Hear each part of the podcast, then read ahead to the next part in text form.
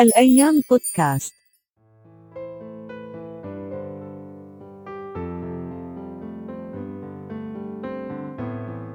طفلة صغيرة عم تلعب بلعبتها ولابسة فستان أبيض. أو طفلة صغيرة بفستان أبيض وعليه بعض قطرات دم. أو طفلة صغيرة عم تطلع من بعيد على رفقاتها وهن عم يلعبوا. كلها كليشيهات فنية كان الهدف منها زيادة الوعي والحد من انتشار ظاهرة الزواج المبكر. الحد من المسؤولية الكبيرة المترتبة على الأطفال ببناء أصغر لبنة مجتمعية واللي هي الأسرة.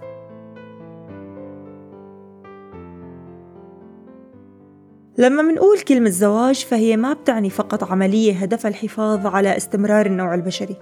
لا الزواج هو قبل هيك رابطة روحية مبنية على الألفة والمودة بين الشريكين. مبنية على أساس التفاهم اللي من شأنه خلق أسرة صحية خالية من المشاكل قبل كل شيء.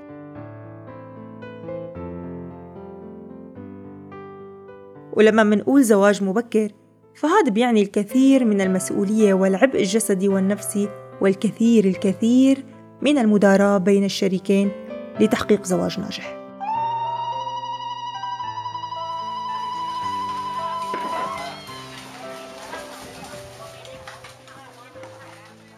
موضوعنا لليوم رح يكون عن الزواج المبكر أسبابه وآثاره وضحاياه بالإضافة لاستقبالنا بهالحلقة الباحث الاجتماعي صفوان قسام. لهيك خلوكم معنا وما تروحوا لبعيد. علي صوتك برنامجنا الجديد من بودكاست الأيام. رح تسمعوه مني أنا نادرة قزموز.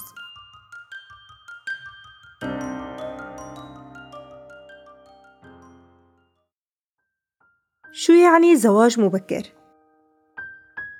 حسب تعريف منظمة اليونيسف المعنية بحقوق الطفل هو إقامة علاقة زوجية بين طرفين أحدهما أقل من 18 عاماً أي قبل أن يكتمل النمو الجسدي والعقلي والنفسي والعاطفي لهذا الشخص. البعض يسمي الزواج المبكر بالزواج الإجباري لأنه الفتاة بهذا العمر لم تبلغ النضج والإدراك الصحيح حتى تتخذ مثل هيك قرار مهم ومصيري بحياتها.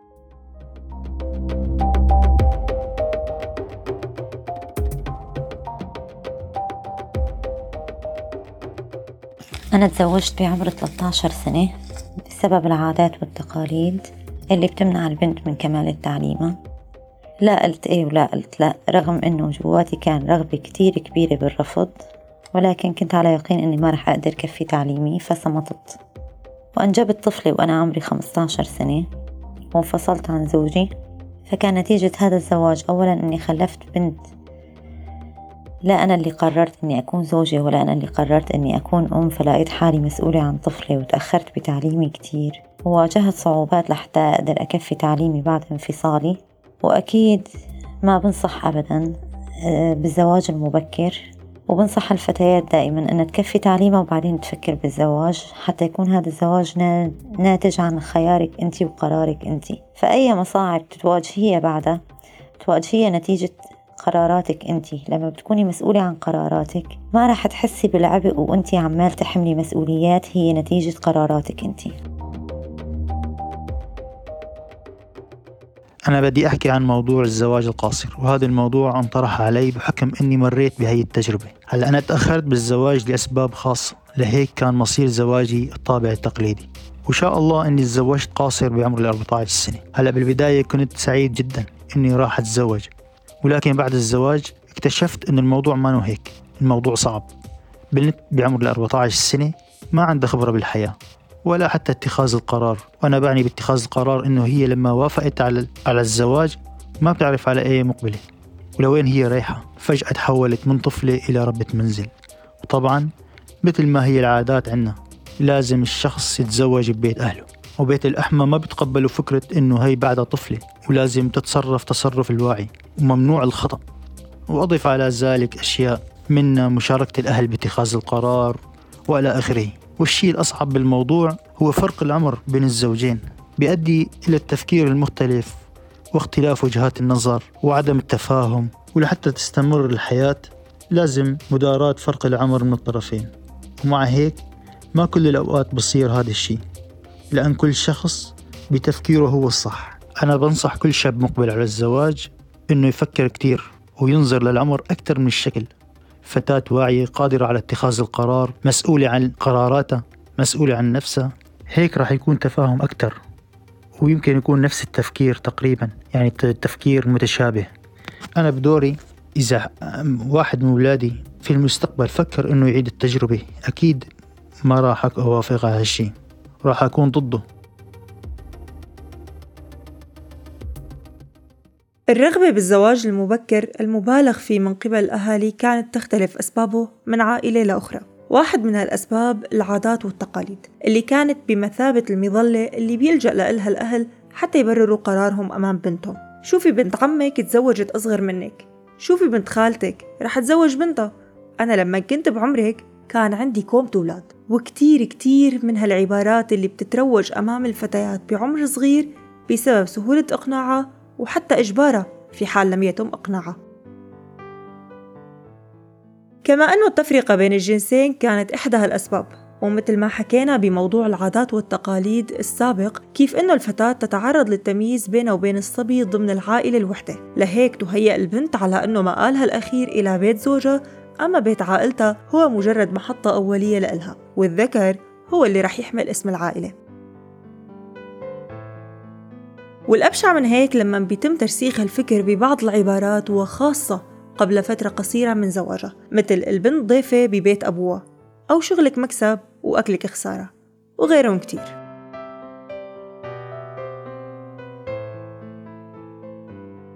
هاي الأسباب كانت انعكاس لحالة من الخوف المبالغ فيه من قبل الأهالي على فتاتهم من دخول عالم العنوسة. العنوسة بالحقيقة هي كلمة كتير سيء سماعها بمجتمعاتنا لأي فتاة. مو لأنه البنت تأخرت بالزواج وما لقت الفرصة المناسبة. لا أبدا مو هيك. أغلبنا بيكره هالكلمة لأنه أحاط المجتمع بحالة من الفشل والنقص والعجز وجعل هاجس الفتاة الوحيد بهاي الحياة البحث عن فارس أحلام. تأخر الفتاة أو الشاب بالزواج بالغالب وباختصار يحدث لأنه لم تأتي بعد الفرصة المناسبة لإيجاد الشريك المناسب. وطبعا بدنا ما ننسى رغبة بعض الشباب بالزواج من فتاة صغيرة. هاد كان له كمان حصة من هي الأسباب. أما بالنسبة للشيء المشين حقا هو انتشار ظاهرة الزواج المبكر في بعض المجتمعات فقط لغرض الحفاظ على السمعة. فالفتاة التي لم تجد فرصتها المناسبة وتأخرت بالزواج يشكك بأخلاقها وشرفها. لهيك الخوف والحرص على السمعة الطيبة من بعض الأهالي بخليهم يقدموا على تزويج فتياتهم بأعمار صغيرة.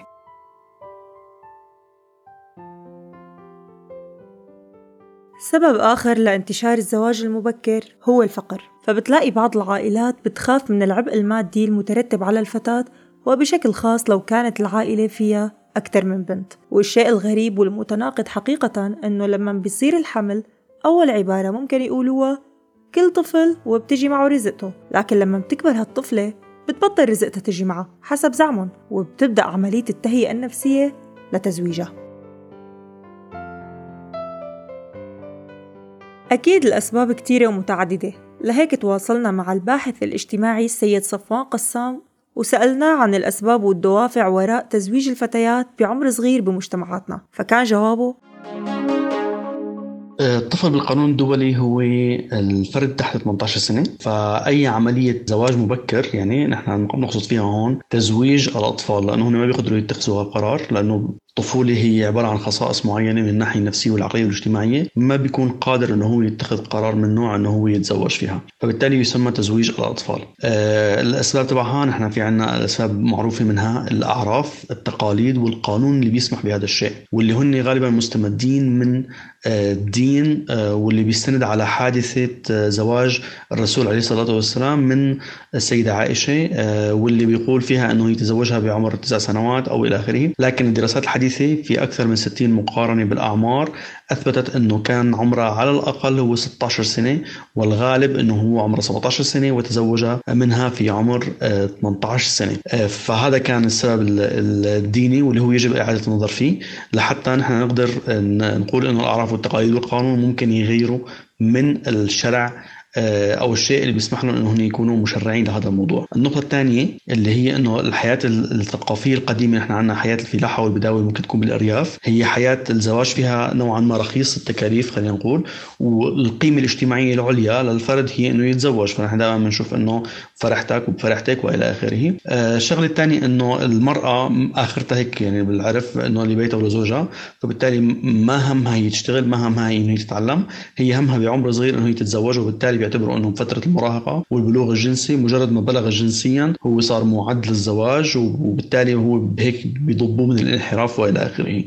فالشو النقطة اللي بعدها إنه ممكن يكون الفقر كمان بيلعب دور كبير بالنسبة لموضوع تزويج الأطفال للتخلص من من حملهم يعني الأب بيتخلص من حمل أولاده ممكن حتى الاستفادة من المهر نفسه. بالمقابل آه، في عنا بفترة الاجتياح وخلينا نقول بهاي الفترة كمان صار في تزويج الاطفال بسبب موضوع إنه كمان الفقر سوء الحال أحيانا لأسباب معينة لها علاقة بالطمع بحماية مثلا إنه بمعنى المصاهرة من أجل الحماية أو من أجل مكاسب اجتماعية معينة.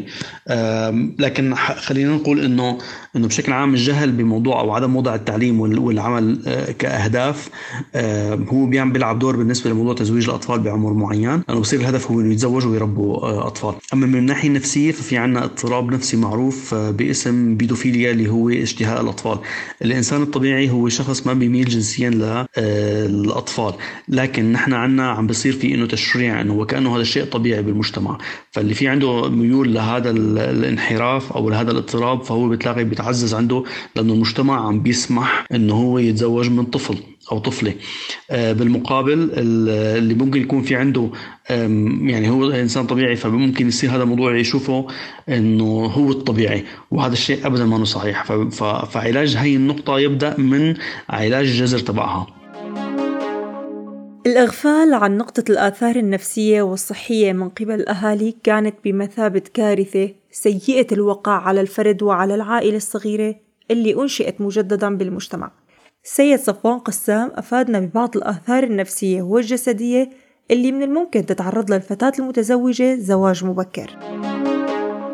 عندنا من الناحية النفسية أول شيء عدم اكتمال النمو النفسي بيؤدي لحرق المراحل الطبيعية اللي لازم تمر فيها الطفلة أو الطفل اللي هي مرحلة المراهقة أو مرحلة البلوغ أو اليفاع. وهو أمر تماما بيترتب عليه آثار مستقبلية لأنه حاجات هاي المرحلة ما ما استكملت لتنضج اللي ينضج الطفل. فهي بتكون قفزت من مرحلة لمرحلة متقدمة وتحملت أعباء وهي بعدها طفلة. فخصوصا إذا كان صار عندها طفل وقتها بصير عندنا طفل عم بيربي طفل وهون الكارثة يعني ممكن تصير. ف النقطة الثانية إنه ممكن تكون آه، حالة الصدمة باليوم الأول اللي ممكن حتى لو كان صار في تهيئ مثلا نفسي للطفلة أو تم اعطائها مثلا إنه شو ممكن يصير باليوم الأول أو تعليمها بهذا الموضوع فممكن كمان يعمل هذا عندها حالة صدمة فممكن يصير من وراء وصار طبعا كثير مشاكل آه، وخاصة المستقبل. إذا كان الزوج مثلا عنيف فبمعنى أنه يصير في اغتصاب باليوم الأول للطفلة لأنه هي ممكن يكون في عندها رد فعل طبيعي أنه أنه أنه تحجم عن القيام بالدور الجنسي المطلوب منها.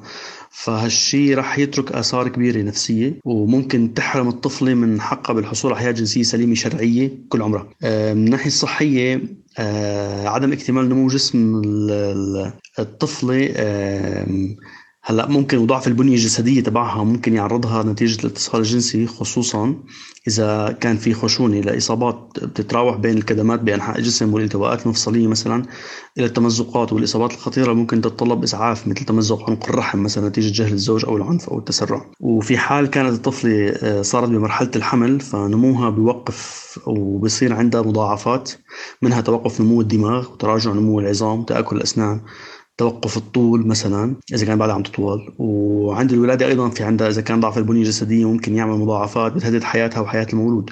ممكن يحرمها من الإنجاب لاحقا وغير غير الاصابات اللي ممكن تعاني منها كل عمرها مثل هبوط الرحم مثلا أو مشاكل الغدد نتيجة ضعف البنية. ويا ترى شو هي الآثار المترتبة على الفتاة والعائلة والمجتمع بسبب الزواج المبكر؟ بالنسبة للآثار المترتبة على الفتاة والعائلة والمجتمع يعني خلينا نقول نحن أنه عموما المجتمع ما بيشعر بمشكلة أنه تكون المرأة مضطهدة يعني مع الأسف هو هيك. بالعكس بيعتبر أنه ها هي هذا هو دورها وهي فضيلتها بالمجتمع. وهالشيء طبعا غلط بحق الإنسانية وبحق المجتمع وبحق العائلة اللي زوجت الطفلة. رح نروح شوي على التعليم. التعليم اللي هو واجب وحق المرأة ولازم توفر الأسرة أي وسيلة وتحت أي ظرف لحتى تتعلم وتقدر تتعلم وتكفي علمها والمرأة المتعلمة أقدر على تربية أطفال بصراحة يعني والاعتناء فيهم. حتى أنه إحصائية ليونيسف بتقول أنه الأمهات غير المتعلمات نسبة وفاة الأطفال عندهم هي 26% بسبب جهلهم بطرق التربية. الزواج المبكر بيرفع احتمالية الجهل والأمية. وتأخر التعليم وبالتالي انه بيرفع احتمالية حرمان الأولاد من حقهم بتربية سليمة. وأيضا بيحرم المجتمع من وجود أسرة نموذجية والأسرة نواة المجتمع. وأيضا بيحرم المجتمع من الطاقة الإنتاجية اللي بتمثلها المرأة في حال تعلمت واشتغلت. وبعدين أسست أسرة على أساس واعي سليم مبصر يعني آه، ما تقليد أعمى. ولما سألنا الأستاذ صفوان قسام عن رأيه حول كيفية خلق وعي فردي فيما يخص موضوع الزواج المبكر عند بعض الناس أجابنا بالتالي. بظن هو الوعي الفردي نتاج وعي جماعي ما بيمشي لحاله يعني الوعي الفردي لحاله ما بيعمل شيء. فبالدرجة الأولى يجب أنه أنه التوجه إلى رجال الدين لأنه هن المؤثر الأكبر بالمجتمع وهدول في حال تم إقناعهم بأنه الزواج المبكر هو خطر وخطأ بحق الفرد والأسرة والمجتمع ممكن نكون حاطين رجلينا على أول طريق الصحيح واللي هو الانتقال لمخاطبة الذكر الرجل رب الأسرة يعني المسؤول عن الأطفال من خلال وسائل الإعلام المتنوعة وأهم طريقة هي جلسات الحوار وإنشاء شبكات مناصرة ودعم مجتمعي تتكفل بنشر هالوعي هذا ومتابعة الحالات اللي عم تخطب خلينا نقول أو يحكوا بنت أو يزوجوها بعمر صغير. ومحاولة إقناع الوكلاء عنها آه، بهالشيء هلا آه، أو حتى وكلاء الزوج نفسه. العنصرين الآخرين الهامين كتير هن القضاة والشيوخ. اللي بيكتبوا الكتاب. يعني هذول إذا بيترفعوا عن هالجناي وما بيكونوا طرف فيها وبنفس الوقت النساء أنفسهم اللي هن كمان عامل محرض وعم بيشكلوا حلقات وعوامل ضغط اجتماعي وتهيئة للبنت من أول ما تخلق إنه غايتها غاية المنتهى تبعها إنه تكون زوجة وتربي أطفال وتخدم أبوهم. وهالشيء بيحجم البنت وبيأطرها وهون الأم هي يعني لازم تكون صمام الأمان للبنت في حال وقفت جنبها وكبرت هدفها فممكن نشكل مجتمع منيع.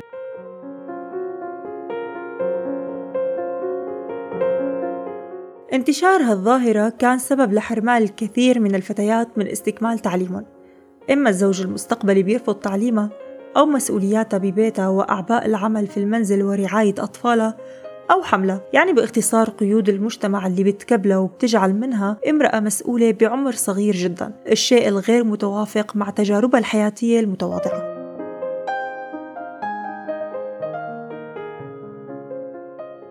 بالوقت اللي تمنع فيه الفتاة من التعليم تقل فرصتها بالعمل وبالتالي تقل فرصتها بالاستقلال المادي.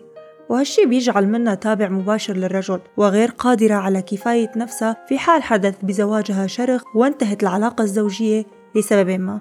وغير قادرة على كفاية نفسها وأولادها أيضا.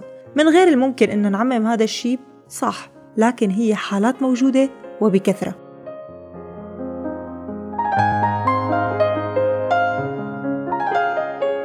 عدم تمكين المرأة وبناء امرأة قوية ومتعلمة قبل أن تصبح أم مسؤولة عن عائلتها له آثار كبيرة على المجتمع. تصبح أم عيلة وبحاجة لإعالة بنفس الوقت. الأمومة بالتأكيد هي شيء عظيم لكن الأم القوية والمتمكنة من تحقيق ذاتها نتيجة وعيها وتعليمها وتجاربها بالحياة تأثيرها أكبر على أولادها وقدرتها أعظم على التعامل بمرونة مع المشاكل اللي بتواجهها وتأثيرها أكبر من الفتاة اللي تزوجت بعمر المراهقة واللي من الممكن يترتب عليه آثار نفسية وجسدية واجتماعية كبيرة.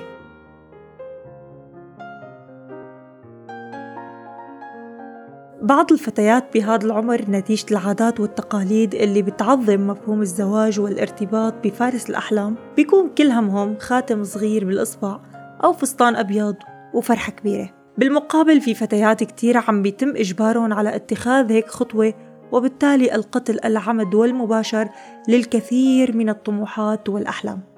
وبشكل أدق ظلم المجتمع بالدرجة الأولى.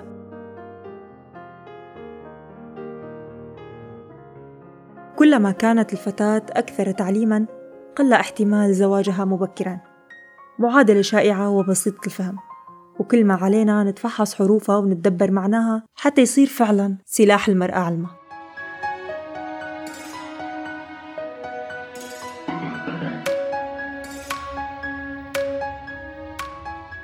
كنت معكم أنا نادرة قزموز من برنامج علي صوتك من بودكاست الأيام.